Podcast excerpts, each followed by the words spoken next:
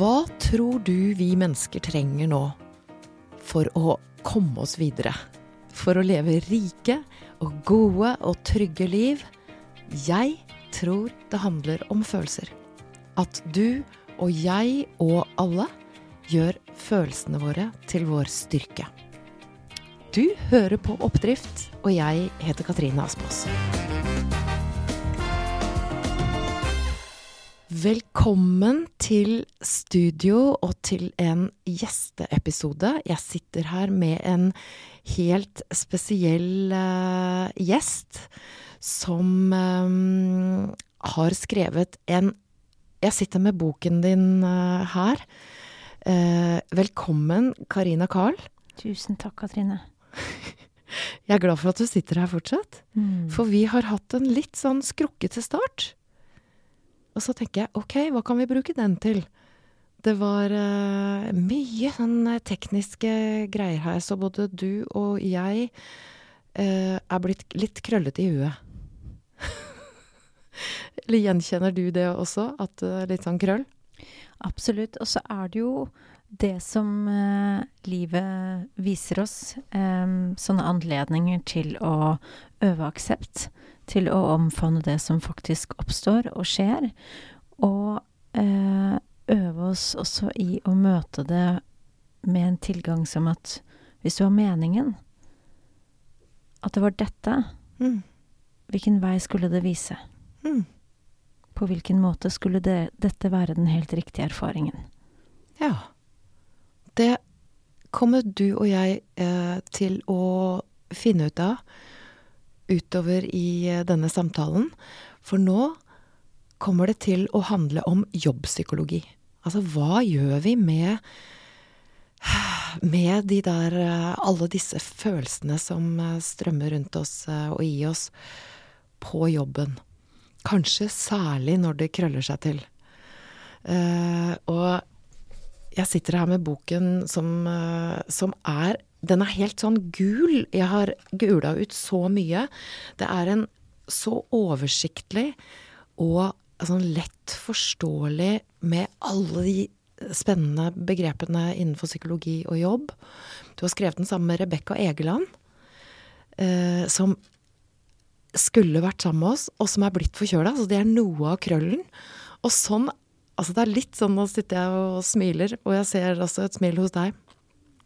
Fordi at det er Det er jo sånn livet er, også på jobben. At det Altså, datamaskiner, de eh, virker ikke, og nettene er ikke lange, men nettene er nede. Ikke sant? Nå, sitter du og nikker. Så mm, kan ikke du fortelle litt om det, altså din vei inn i jobbpsykologien? Du er jo eh, utdannet psykolog, og du driver med ledertrening. Og du driver med individuell terapi og kurs, du holder foredrag. Eh, og så brenner du altså for å gjøre psykologi tilgjengelig for fol folk flest. Og arbeidslivet spesielt. Og arbeidslivet spesielt. Kan ikke du fortelle litt om hva det er som har drevet deg inn i, i dette? Hvis vi skal søke langt tilbake i tid, så har jeg alltid hatt en veldig fascinasjon for mennesket.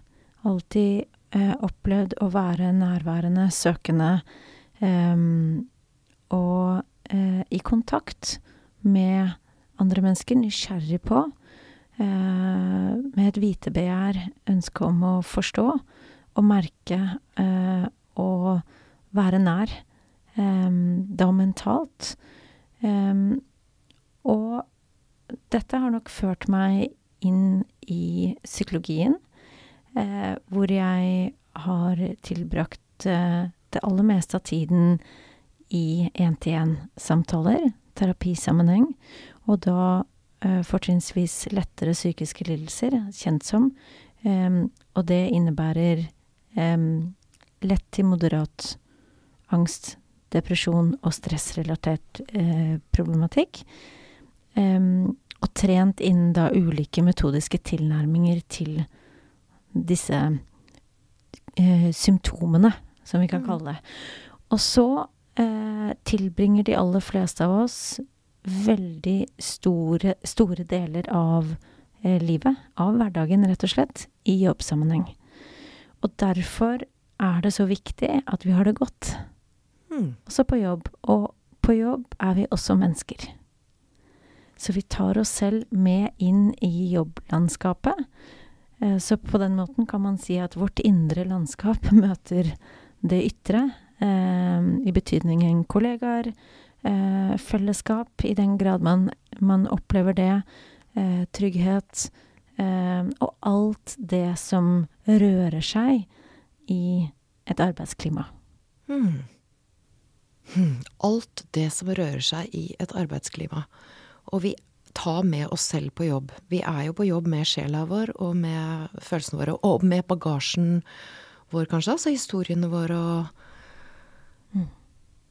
Og du skriver det jo, eller dere skriver det jo så eh, Altså, det er én setning som sto ut for meg i boka, og det er det dere skriver om at arbeidsplassen er et mulig minefelt for uhelse og konflikt. Mm. Hva, hva, hvordan, eh, hva er din erfaring der? Um, Rebekka og jeg skrev jo hverdagspsykologi sammen i 2016. Uh, nettopp med intensjon om å gjøre kunnskap om psykologi tilgjengelig. Uh, og både basert på erfaringer um, fra uh, arbeidsrelatert virke, men mest av alt fra eget liv. Og vi ønsket å skrive den boken som vi selv ville ønske vi hadde hatt, i møte med Runde med ringen. Um, og um, forene, altså lage en bok som forener, og som er, har en helhetlig tilgang til psykisk helse. Og så gir det jo ingen mening at ikke denne kunnskapen eh, bringes inn i, jobbsammenheng. Og det som nettopp utgjør årsakene til at, at uh, arbeidsplassen uh, blir nettopp et minefelt, kan bli, det er jo at det snakkes veldig lite om at vi alle sammen kommer inn med en usynlig ryggsekk Mm. med tidligere erfaringer, eh, tilknytningshistorikk. Tilknytning snakkes mye om i psykologi, veldig lite om egentlig arbeidspsykologisammenheng.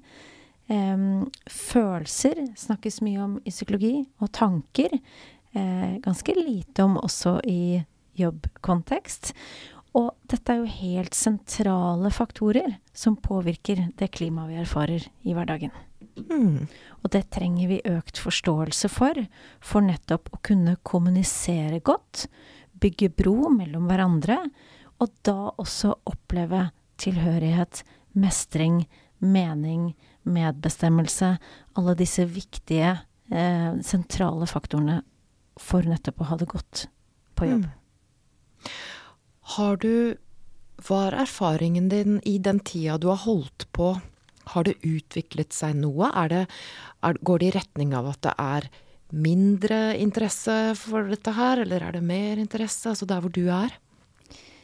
Eh, jeg syns det er et litt vanskelig spørsmål å besvare, fordi det blir en subjektiv opplevelse. Og jeg eh, betrakter nok meg selv som enda ganske ung og nysgjerrig på feltet, til sammenligning eh, med, med mange andre. Eh, men jeg håper at det er en større grad av åpenhet, og jeg opplever at det er en veldig interesse for nysgjerrighet, eh, og at man bruker nye begrep. um, som indikerer at det tas på alvor. At psykologi og jobb hører sammen. Ja. Psykologi og jobb hører sammen. Jeg må bare gjenta det, fordi at det, det, det klinger uh, riktig. Ja, altså nå er det litt sånn hjerte i eh, lufta her. Begrepet psykologisk trygghet, kan vi romstere litt med det? Fordi det er et ord som Altså, jeg er nysgjerrig på deg som sitter og hører på oss også, hvordan, hvordan du opplever at eh, følelser og det indre livet vårt tas på alvor på den jobben der du er. Og om du har hørt dette begrepet psykologisk trygghet, for det, det er et ord som er litt sånn buzzword nå. På konferanser og i, eh, i ledelsessammenheng. Hva er det for noe? Psykologisk trygghet handler om å kunne si eh, og dele hvordan man har det. Usikkerheter, eh, ønsker, eh, komme med ideer, forslag, Um, uten å være redd for sosiale sanksjoner.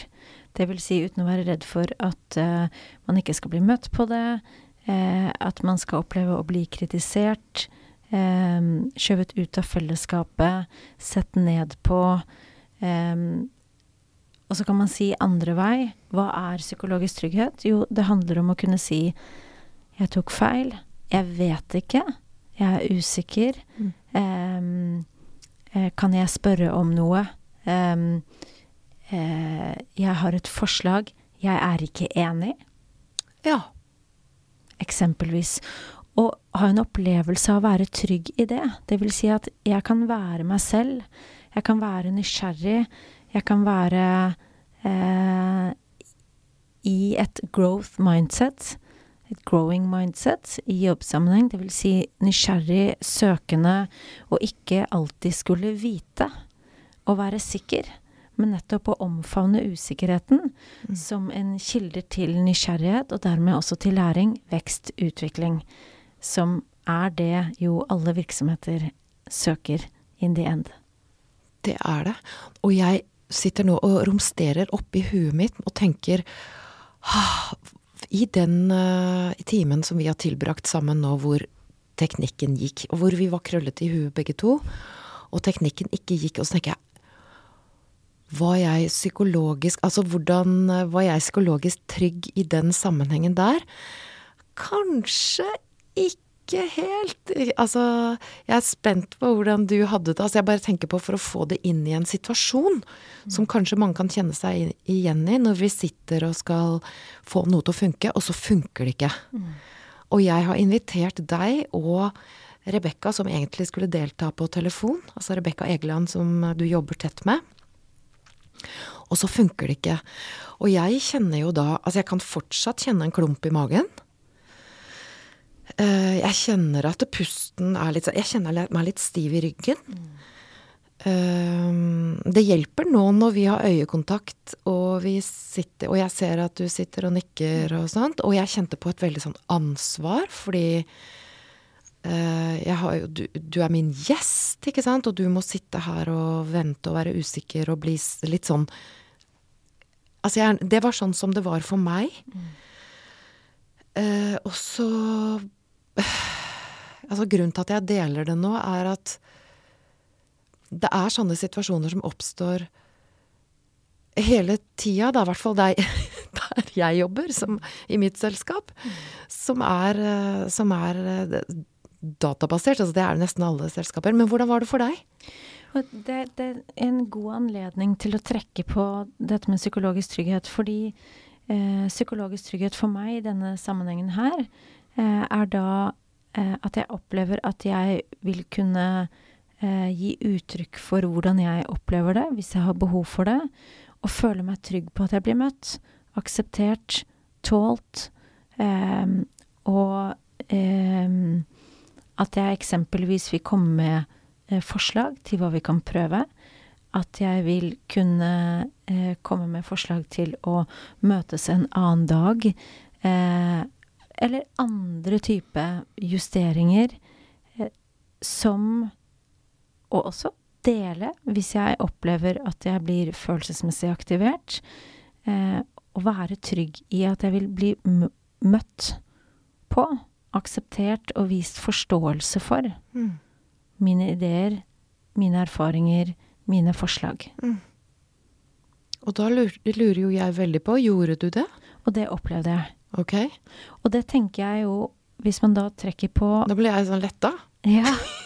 jeg tenker at, og, og, her, det som er interessant her, er jo at, er jo at eh, i en jobbkontekst så er den opplevelsen av psykologisk trygghet En del av det ligger hos lederen eller hos medarbeideren. Det vil si, i denne sammenhengen her nå, hvis du hadde vært min leder, Eh, så er en del av det hvilken erfaring jeg har med deg, og hvordan du møter meg. Eh, men en viktig del av det handler jo om ikke nødvendigvis hva du gjør, og hva du sier, men hva jeg ser deg gjøre, og hva jeg hører deg si.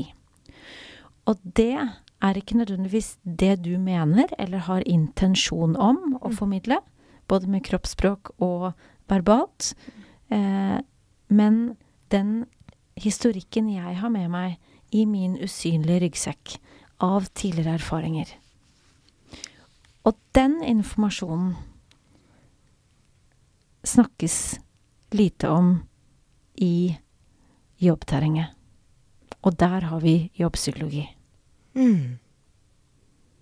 For hvis jeg nå hadde erfaringer med å eh, bli møtt med liten grad av aksept, eh, at det var lite rom for at mine ideer og forslag hadde blitt slått ned på, eksempelvis, så er det veldig mye mindre sannsynlighet for at jeg hadde følt meg trygg. Det er ikke sikkert at du hadde visst det.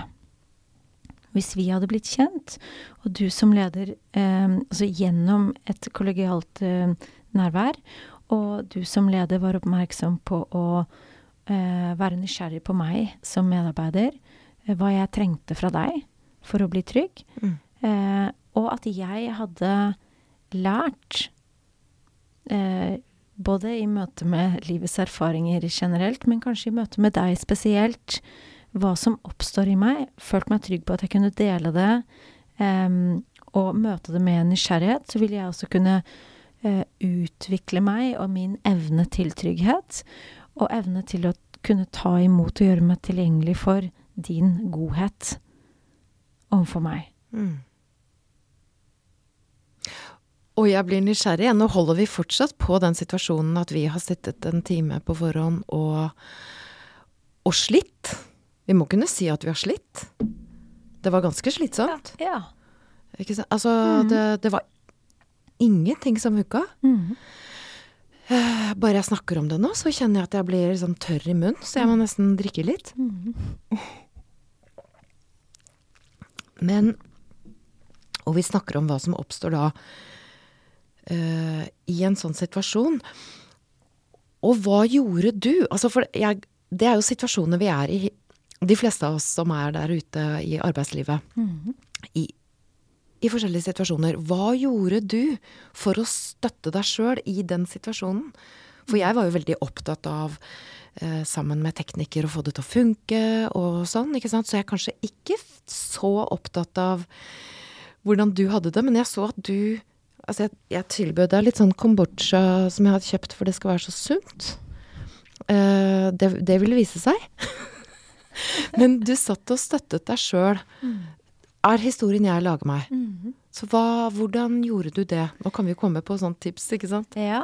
Eh, jeg observerte det som ble aktivert i meg, og at jeg hadde et valg. Jeg kan velge å gå frustrasjonens vei eh, og bruke veldig mye kapasitet og energi på å la meg frustrere. Eller jeg kan velge å benytte denne anledningen til noe som er berikende, til en eh, pause. Til å gjøre noe jeg ikke har hatt anledning til hittil i dag. Eh, så benytte den tiden på en så konstruktiv måte som er mulig for meg. Og det er heller ikke alltid mulig for meg å gjøre. Og vi er mennesker, og det er liksom opptatt av å formidle det også, at vi er først og fremst mennesker. Og eh, vi skal ikke prestere i alle settinger, eh, men heller se eventuelle eh, feil, eller jeg er ikke så glad i å bruke det ordet heller, men hvis jeg nå hadde latt meg veldig rive med, blitt veldig eh, irritabel, frustrert og brukt masse Altså der hatt en stor energilekkasje, så, så trenger jeg ikke å fortelle meg selv at jeg har feilet, men heller se det som en anledning til selvomsorg, og møte meg selv med, med godhet, men, og i tillegg lære. Hva skjedde her? Ok, hvordan kan jeg trekke på denne situasjonen som en kilde til innsikt til en annen anledning? For dette er jo livet. Dette er livet. Det er livet. Åh, jeg, jeg merker at det- er godt å høre deg bruke sånne ord som selvomsorg Mm. i en situasjon hvor, vi er, hvor du kjenner at det krøller, at det krøller seg. Hva, hva innebærer det for deg i en sånn situasjon når du Eller hvor, hvordan gjorde du det nå? Eh, Det innebærer, og kan innebære, både indre dialog, hva jeg sier til meg selv, hvordan jeg imøtekommer meg selv, Mm. eh, men også hva jeg gjør for meg selv. Um, jeg reiste meg på et tidspunkt og sa at jeg velger å stå litt, for jeg har sittet i hele dag. Ja, det husker jeg. Det var en måte å, å lytte til mine behov, få litt sånn bevegelse, altså sceneskifte i, i kroppsstilling. Eh, og em, jeg eh, møtte meg selv med en eh, godhet i, i hvordan jeg snakket til meg selv. Eh, og på mange måter også så, så er denne typen situasjoner en påminnelse om at vi er ikke perfekte, og ting går ikke alltid som planlagt. Og på mange måter så er jo det det livet handler om, og sånn livet viser seg til enhver tid. Vi tar ofte for gitt at det vi legger opp til, det skal bli sånn. Mm. Og hvis vi er heldige og erfarer at ting fungerer, så, så kommer vi kanskje muligens også i den situasjonen at vi, vi tar det for gitt. At det fortsetter på den måten. Så på mange måter så kan det også ses som en påminnelse om å være takknemlig for når vi erfarer at ting går som planlagt, eller som det skal, i gåsetegn. Um, og en anledning til å øve aksept. Til å øve selvomsorg, selvrespekt. Til å øve bevisst tilstedeværelse. Alle disse nøkkelbegrepene innenfor psykologien som vi kjenner til, som jobbpsykologi spesielt har nytte av å Mm. implementere. Kan du lekke litt ut hva er det du sier til deg selv? Altså, du snakket om uh, indre dialog. Mm. Det var et ord du brukte. Uh, har du noen setninger du bruker? Altså, eller er det stemmeleie, eller Jeg bruker nok begrepet indre dialog også for uh, liksom mentale bilder på hvordan jeg møter meg selv. Jeg tenker nok ganske visuelt i bilder, og ikke nødvendigvis alltid i tanker. Så jeg har nok ingen konkret setning, men jeg har et mentalt bilde av å imøtekomme meg selv, og da hva angår blikkontakt, nærhet, eh, en opplevelse av å romme, støtte, møte meg. mm. Og observere situasjonen utenfra, uten å identifisere meg med den. Mm. Øve meg i det. Mm. Mm. Og jeg eh, kjenner hvordan pusten for meg nå mens jeg sitter og lytter til deg, fortelle og dele takk for at du gjør det, deler fra din erfaring om tilstedeværelse. Mm. Det er i hvert fall et ord, det er to ting som, som slår meg mens jeg sitter og hører på deg. Og det ene er hvor viktig for meg, i hvert fall, pusten er for en sånn tilstede... Altså en forutsetning for en sånn tilstedeværelse som du beskriver så nydelig. Eh, og så blir jeg også oppmerksom på at dette er noe du sannsynligvis har trent ganske mye på. Mm. Det får jeg også et, eh, en forestilling om. Mm. At den tilstedeværelsen Men hvordan, hva, hva skjer med deg når jeg, når jeg ser det, eller opplever det? Eh, nå ble jeg helt konkret minnet om ehm, et takknemlig minne. Min yogalærer, en av de, ehm, som viser meg vei. I betydningen støtte meg i min praksis. I min daglige yogapraksis. Og der høster jeg veldig mye ehm, innsikt, eh, nærvær. ehm, og trygghet, stødighet, som jeg trekker på, helt bevisst, i livet generelt, men i jobbrelaterte Mm. sammenhenger spesielt. Er det noen Kan du komme på noen eh, Altså for oss som ikke er så Altså har en så god emosjonsregulering. For det, det er også et sånt begrep som om emosjonsregulering. Det å faktisk kunne Åh, nå kjenner jeg jeg, kjente meg flau, eksempel. Jeg var litt sånn flau over at teknikken ikke funka. Og så kjente en sånn følelse av det. Eh, og, og følelse av litt sånn stress og, og, og det å regulere de følelsene som oppstår i uh, ulike situasjoner. Har du, har du noen eksempler på før du begynte å trene? Det er litt sånn før og etter. Har du noen eksempler på eh, emosjonsregulering som Altså den der termostaten, at den var litt sånn ute av kurs? Og det opplever jeg stadig, vil jeg si. Ja. Eh, og det tenker jeg er så viktig å, å formidle. Eh, at vi er mennesker. Og at vi øver oss så lenge vi lever. Og vi har resten av livet. Så jeg øver meg hver dag. Og jeg mister det. Ofte. Mm. Eh, og øver meg på å miste det på en bedre og bedre måte. hvis man kan si det sånn. Eh, og at prøver å tenke at livet er læremester. Og i møte med andres eh, glipp eller feiltrinn eller em, følelsesmessige misregulering, eller kall det, kall det hva du vil, så Du mener når vi, når vi klikker i vinkel? ja, for eksempel.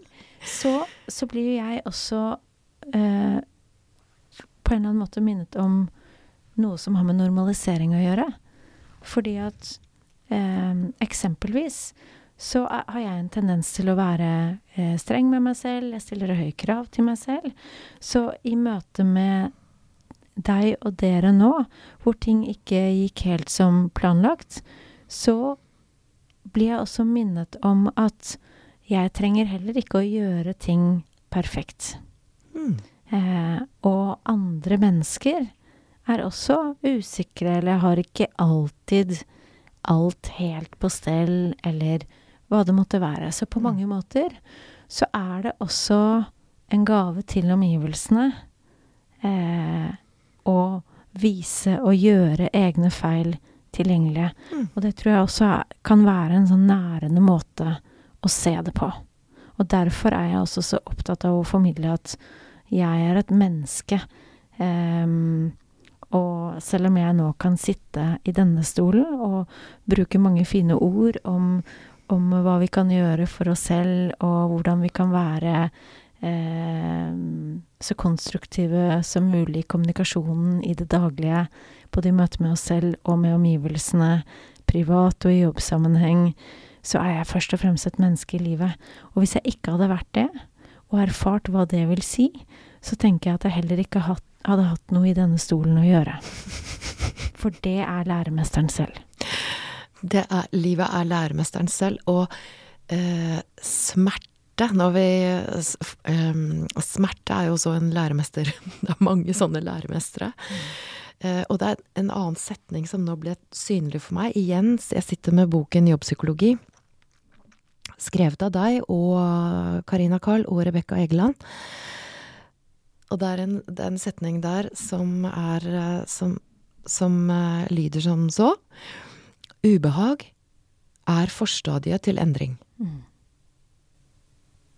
når vi merker at noe er i spill, noe aktiveres i oss, så kan det være et signal om at det er et behov vi har. Noe vi trenger å justere. En nødvendig tilpasning.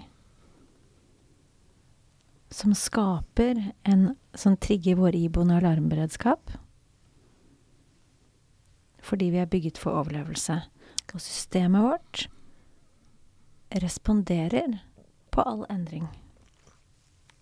Nå, jeg, nå ser jeg at du sitter og så tar deg på, på brystet, eller Mm. klyper kanskje litt sånn på brystet, fordi at Mm, Og da forteller jeg deg er sånn livet bare klyper deg lite grann. mm, mm, Eller jeg gjenkjenner det i mitt eget liv, at når Mm. livet klyper meg, mm.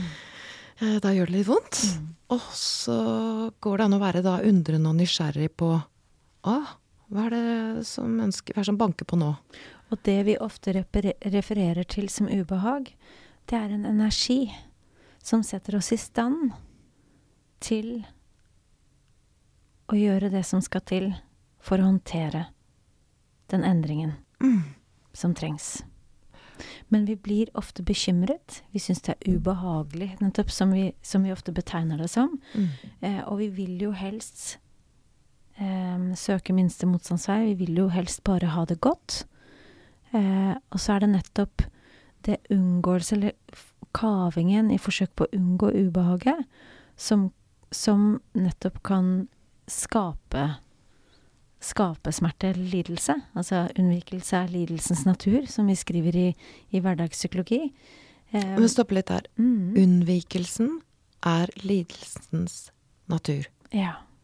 Så unnvike følelsene, Mm, altså det motsatte av å akseptere, mm, er det det mm. Ja.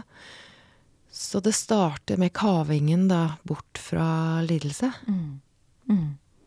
Så i det øyeblikket vi møter eh, med nysgjerrighet Hva er det som aktiveres her? Hva handler dette om? Og bruke nettopp følelsene våre som signalsystemer. Mm. Hva er behovet mitt? Hva trenger jeg nå? Mm. Ja. Og du sa en annen ting som var fint nå, eh, eller som jeg ble nysgjerrig på, og det er jo at vi er skapt for overlevelse. Mm. Kan du si litt mer om det?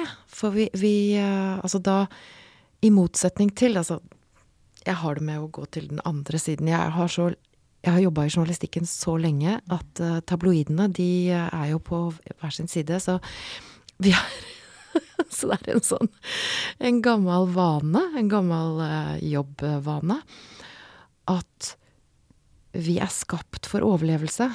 Altså, vi er ikke skapt for komfort. Altså, vi er ikke Og nå rister du litt sånn på hodet. Hva, hva innebærer det for oss? Eh, hvis vi ser tilbake, søker langt tilbake i tid, eh, så var vi alle jegere og samlere, våre forfedre, eh, og måtte overleve. Eh, være kledd på til å kunne beskytte oss mot farlige dyr. Eh, sikre overlevelse, rett og slett. Terrenget har endret seg. Den moderne verden, det moderne livet, er veldig, veldig annerledes blant annet i lys av teknologiens nyvinninger. Men det systemet vi har med oss, det har ikke endret seg særlig mye. Hmm. Så hvordan bygge bro mellom vår tids moderne virkelighet og våre iboende forutsetninger, som stammer fra den gang. Mm. Og her har vi jo også jobbpsykologi. Mm. Hvordan legge til rette for um, at vi kan bruke den beredskapen og den innsikten vi har om hvordan vi virker og henger sammen, når vi får den på en konstruktiv måte. Mm. Um, Hensiktsmessig. mm, At, at vi Dere skriver jo også at det er forskjell på å, um, å, å reagere og respondere, mm, for eksempel. Altså, så det å bygge bro Du snakket jo om å bygge bro nå. mm, Mellom impuls, altså den, de impulsene vi får, og den eh, responsen som kommer ut mm, på den andre siden. mm. Å, guri meg, det er ikke lett, altså. Det Det er jo ikke lett, det vi snakker om her. Og det er kontinuerlig øvelse. Det er ferskvare. Det er her og nå. Mm. Igjen og igjen. Og det tror jeg er så viktig, Katrine. At vi minner oss selv om at vi kan bare påvirke her og nå. Og vi kan tillate oss i større grad å være til stede her og nå. Eh, omfavne, være nysgjerrige. Eh, og det er nettopp det som uteblir i eh, en hektisk hverdag. Hvor, som da trigger stressresponsen, som Mm. gjør at vi i vår oppmerksomhet blir frem i tid. Ja.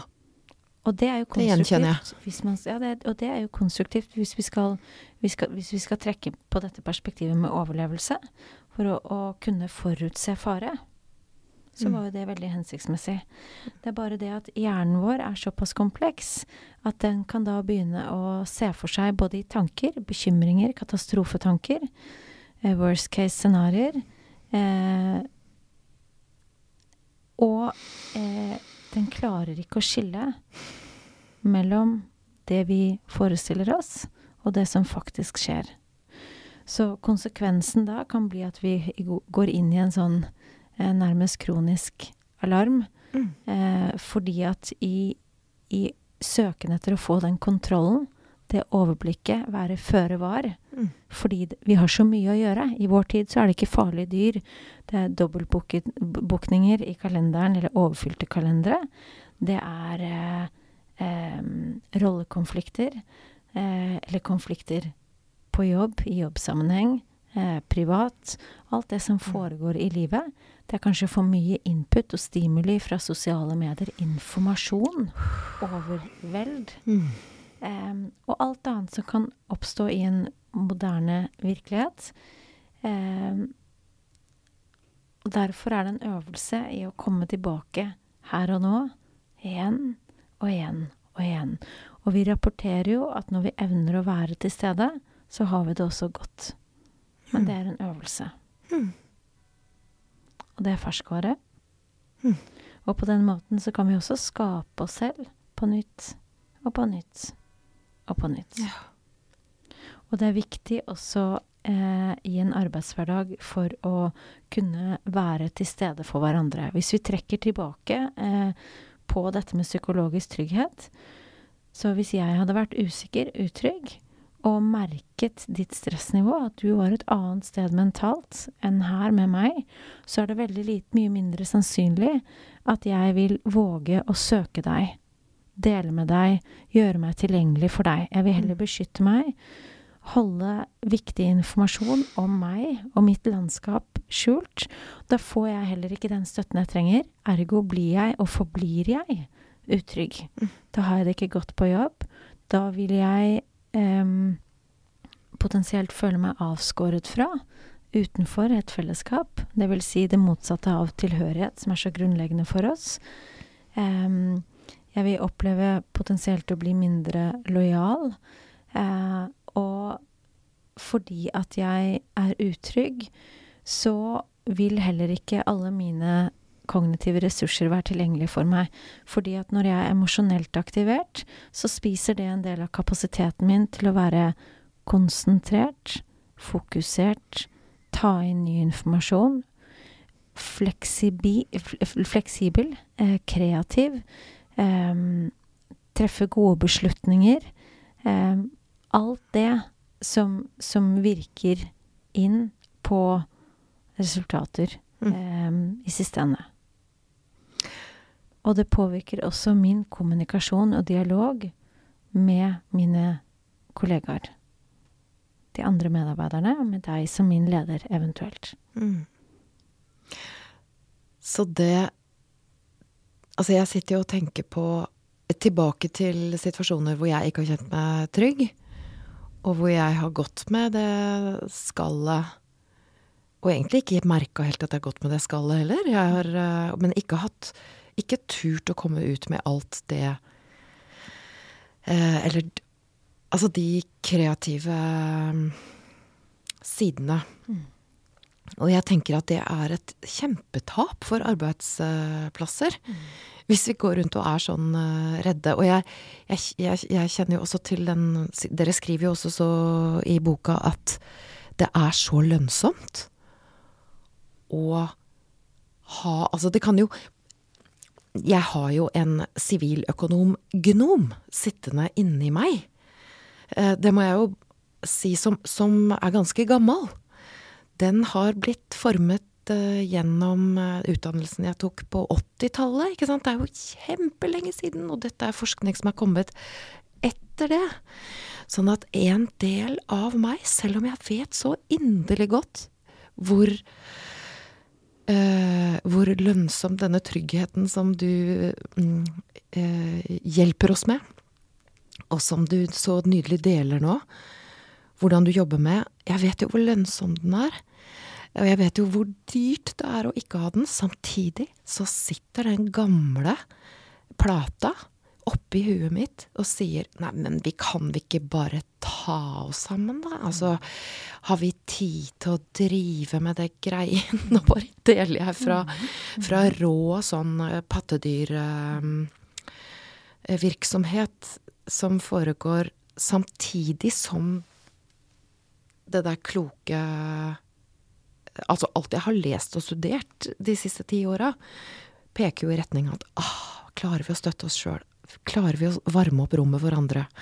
Skape den psykologiske tryggheten. Det er superkraften. Mm. Så sitter denne apa og kakler. Mm. Hva gjør vi med det? Jeg tenker at Hva gjør jeg med det? Ja, og det krever eh, noe av oss hver især. At vi minner oss om at vi alle har en berettiget stemme, og vi kan bidra inn i verden, i det kollegiale fellesskapet, landskapet på jobb, um, i møte med, med hverandre og andre, med det vi ønsker at relasjonen skal være. Og det krever mot. Mm. Uh, og det krever mot både for eh, deg og oss som medarbeider, og det krever mot for deg som leder. Og for ledere å eie sin egen feilbarlighet, våge å vise sin menneskelighet, gjøre seg emosjonelt tilgjengelige, det er gull. Mm. Men det krever også at man eier sin egen historie, og våger å gjøre seg synlig mm. og nær. Som igjen gjør at dine medarbeidere kan merke deg, relatere til, koble seg på, hvile i ditt nærvær og vokse i din tilstedeværelse. Mm. Og da har du klart å etablere en kultur som er psykologisk trygg. Det er så vakkert at jeg må få se om jeg kan huske det. Altså, klarer klarer vi, klarer jeg, å skape en situasjon der menneskene rundt meg kan hvile i mitt nærvær. Og vokse. Og vokse. Tenk deg om vi turte å, å tro at det var mulig. Altså, jeg Og så er det jo ikke noe rart at vi ikke skaper de kulturene heller, når jeg får litt sånn behov for å forsvare oss også, mm. at eh, det er mye lettere for oss, eller meg, mm. å bli eh, irritert og når noe går feil, da. Mm. Det er liksom det første som skjer. Mm. Og beskytte oss. Og beskytte, ja. ja. For ikke vise vår sårbarhet. Men i stedet eh, surrender. Nå, mm. altså, I stedet bare gi seg hen til det som skjer. Mm. Det handler litt om det. Og, og OK, jeg, uansett hva jeg gjør nå Vi forsøker jo å ordne opp i problemet og mm. løse det. Det er jo det jobben ofte består i. Å mm. løse Å være problemløsere. Mm. Og så er det jo ikke noe rart at uh, den reptilhjernen overtar heller men det, det å overgi seg til nå mm. Mm. Og da er det for å kunne gjøre det, for å kunne trene det bevisst, så tenker jeg at uh, uh, vi trenger noen verktøyer, noe å støtte oss til, uh, noe å gripe i. For å sette en sånn type trening i system, det kan være konstruktivt. Og endelig er vi der. Kan du gi oss noen sånne verktøy? Mm. Kan, du de, kan, du gi oss de de som funker best for deg, eller dine klienter og de lederne du veileder? Ja, eh, det, er jo, det er jo veldig individuelt også. Men jeg vil si at noe av det som har størst potensial, og som eh, det er veldig lite fokus på, eh, og som er tilgjengelig for oss til enhver tid, det er pusten vår. Mm. Fordi at pusten er en nøkkel til å styre vår indre motor, vårt nervesystem og vårt emosjonelle landskap. Jeg, jeg får, Nå sitter jeg med lukkede øyne. Jeg fikk behov for å liksom bare lukke pusten inne, tror jeg. Mm. Uh, og jeg har alltid lurt på hvorfor holder jeg pusten? Mm. Hvorfor driver jeg med det? Kan du Kan du fortelle meg det? Og det gjør vi jo når vi er anspent, eller når vi ikke er trygge, eh, når vi er på vakt. Så kan det være konstruktivt. Hmm. Altså, Hva gjør det for kroppen? Hvorfor For det virker ikke så veldig konstruktivt for meg i hvert fall. Jeg blir stiv i ryggen av det. Mm. Og det Da er det jo Altså vi aktiverer alarmberedskapen. Det vil si at stresshormonene skilles ut. Eh, økte kortisolnivåer, og derav anspent muskulatur. Um, det er veldig mye som foregår i, i oss uh, fysiologisk. Mm. Og det er ufarlig. Vi er bygget for det.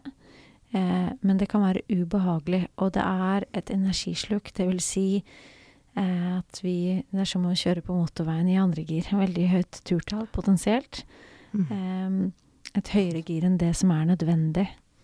Sånn at når vi bruker pusten, puster rolig, og spesielt utpuste, og ankrer oss Så hvis du akkurat nå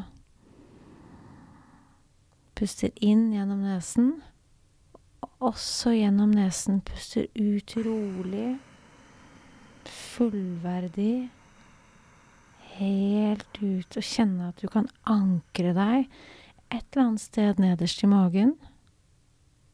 Legge merke til det lille, stille mellomrommet. Før du igjen åpner for et nytt innpust. Utvider, skaper rom og plass, forlenger ryggsøylen.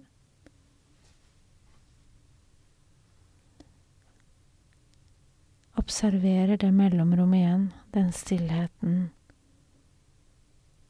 før du puster rolig ut. Kontrollert, bevisst, nærværende og ankrer deg. Noen få, kanskje bare ett dypt pust, kan være det som skal til. Og hvis du er spesielt aktivert, fokuser på å puste ut Pusten din er der alltid. Som et stille rom.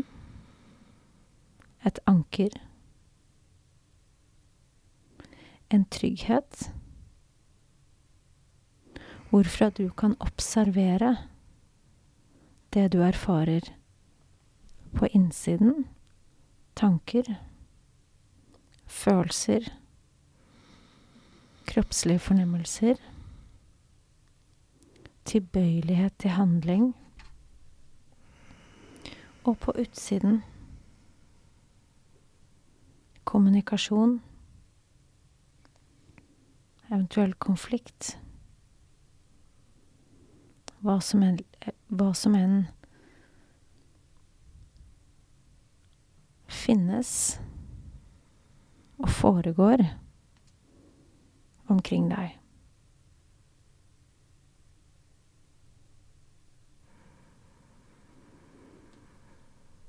Vi lærer veldig lite om hvordan vi kan bruke pusten.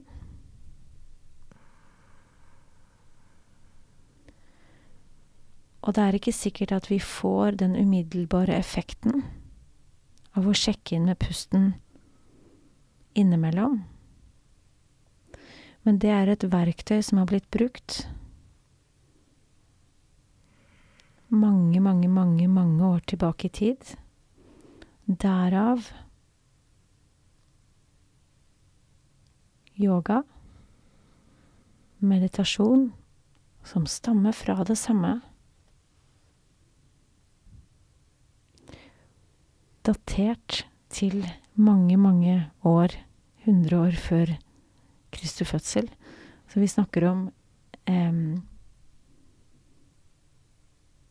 verktøy satt i system som mennesket har støttet seg til, nær sagt, mm. alltid. Mm. Og det var så utrolig godt. Og jeg fikk en sånn øh, Det ble jo en sånn øh, det en liten uh, guida meditasjon, det der, Mm. på pust. Og jeg fikk et sånt bilde av alle vi sammen. Mm. At jeg, jeg håper alle som eh, sitter og hører på, også fikk den opplevelsen av hvordan det kan være å få ankra den pusten. Mm. Og hva har det med jobbpsykologi å gjøre? Mm. Jo, fordi vi er mennesker i en jobbkontekst. Vi har med oss hver vår usynlige ryggsekk som påvirker hva vi hører og ser de andre og hverandre si og gjøre. Vi tolker, vi tillegger betydning. Vi aktiveres følelsesmessig, både i møte med hverandre, i møte med krav, i møte med forventninger, hva det enn måtte være, både utenfra og innenfra. Mm. Og pusten har vi alltid. Mm.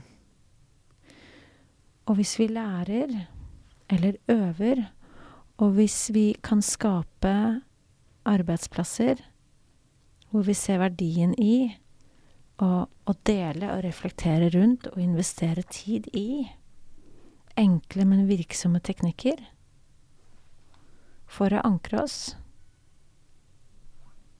Mm. for å styrke fokus, konsentrasjon, som igjen virker direkte inn på opplevelsen av mestring, mening, gjør oss nærværende for hverandre, tilgjengelige, Mm. dermed tilhørighet, så legger vi til rette for en positiv jobbpsykologi. Mm. Og jeg blir så nysgjerrig. Hvordan responderer de lederne du jobber med, på dette med nærværstrening og eh, psykologisk trygghet? Altså hvordan Hvordan eh, responderer de på det? Veldig ulikt fordi vi er ulike mennesker. Mm. Og ehm, der vil jeg også tilføye at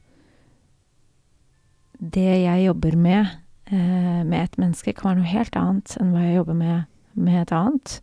Så det handler jo om bestillingen eh, i kombinasjon med eh, mine refleksjoner, eller eh, tanker jeg tenker om hva vedkommende vil ha nytte av. Og så er det et samspill, et samarbeid, Mm. for å komme frem til hva er det som er virksomt.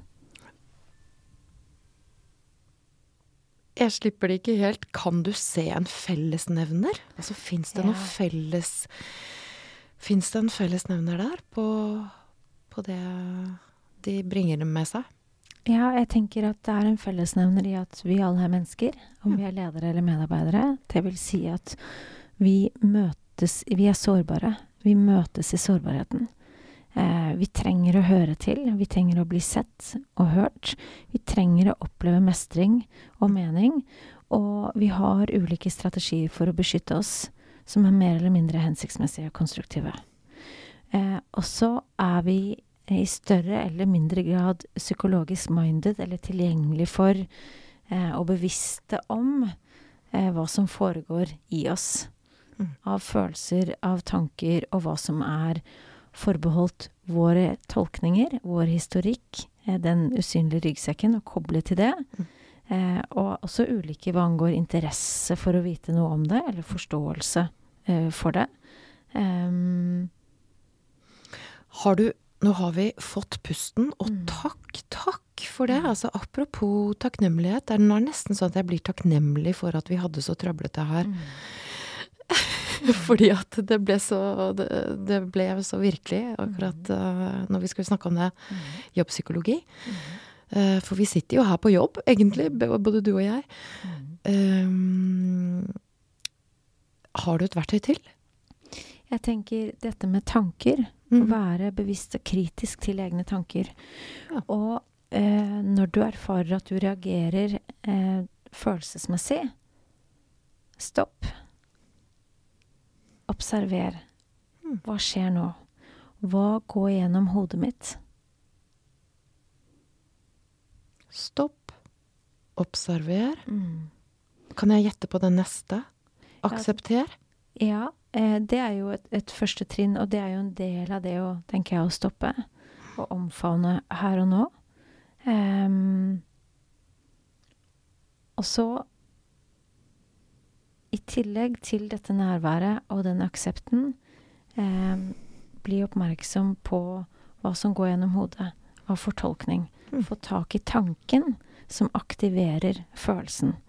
Fordi det som oppstår, det som skaper em, Setter et emosjonelt avtrykk i møte med en situasjon, det er nettopp fortolkningen. Og den er vi ikke alltid bevisste om. Og det lærer vi heller ingenting om. em, tanker. Tankefeller, nettopp. Tankefeller vi alle går i.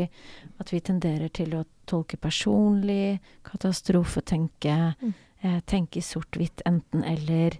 em, som igjen påvirker hva vi erfarer følelsesmessig. Mm. Og hvis vi minner oss selv om da at tanker er ikke fakta, um, øver oss på å observere de, så har vi kommet ganske langt. Og da minne om igjen at det er en øvelse, det er ferskvare her og nå. Igjen og igjen. Og kanskje kan du erfare at det er noen av de samme tankefellene du tenderer til å gå i. Kanskje kan du gjenkjenne noen situasjoner hvor du er tilbøyelig til å reagere Mm. følelsesmessig. Eh, sånn at du kan være forut, legge til rette for. Eh, og pusten kan brukes både forebyggende, men også i en aktuell situasjon. Og vi kan også øve oss i etterkant, i kraft av å stoppe, legge merke til hva som skjedde, eh, trekke på en erfaring som kilde til innsikt. Hva med følelser som begeistring og iver Mm. og eh, glede Mm. og altså, For jeg kjenner jo det nå, etter at vi har snakka sammen nå eh, en stund, så kjenner jeg jo på iver og glede og takknemlighet og begeistring. Er, er det et resultat av det arbeidet vi har gjort nå i en time? Jeg tenker at her er det noe som, her er, det noe som er, em, viktig for deg. Her er vi Ja. nok i tråd med dine verdier. Ja, akkurat. Det Så så det forløser dette, denne Ja. følelsen av at ah, Det er noe som er i tråd gøy. med Ja. altså, opplevelsen av mening, ja. eh, verdi. Det er noe her som resonnerer for deg. Ja. Og derav forløsende. Mm. Ikke sant? Nei, så, så fint! Og det kan jeg gjengjelde, Katrine. Ja. Mm. Opplevelsen av gjenklang i interessen for og, og ønsket om å skape eh, mer kommunikasjon, eh, informasjon Mm. rundt psykologi. Hva som skjer på innsida av oss. Ja, generelt, men i arbeidslivet spesielt. Ja. Mm. Så det blir jo kanskje en sånn oppfordring, da, etter denne samtalen her. Vær altså til meg selv. Note to self. Se om vi kan være oppmerksom på hva som skjer på innsida. Og kanskje fryde oss litt over det, for det er jo masse læring der, og det er jo mye opplevelser. Å ha et rikt indre liv, er det noe som heter. Og det er jo en rikdom. Du, Karina Karl, tusen takk for at du brukte din dyrebare tid på å være her sammen med oss. Og vi fikk Altså, jeg har en følelse av at jeg har fått en, eh, en litt sånn treningsøkt i tilstedeværelse. Og så håper jeg, tusen takk til deg som hørte på, brukte din dyrebare tid på å høre på Oppdrift. Jeg håper også at uh, du fikk deg en uh, liten treningsøkt sammen med Karina. Eh, og så takker jeg alle for at dere har hørt på. Og jeg anbefaler boka Jobbpsykologi. Veldig oversiktlig og fint om alt det vi har snakket om, og mer enn det. Og da er det bare å puste godt og gå ut og se om vi er modige nok til å være sårbare og til stede. Jeg fikk lyst til det. Tusen takk. Og husk, alle sammen, det er Karina, dette gjelder deg også. Se om du kan være god og tålmodig med deg sjøl. Takk. Og takk for at jeg fikk komme. Tusen takk.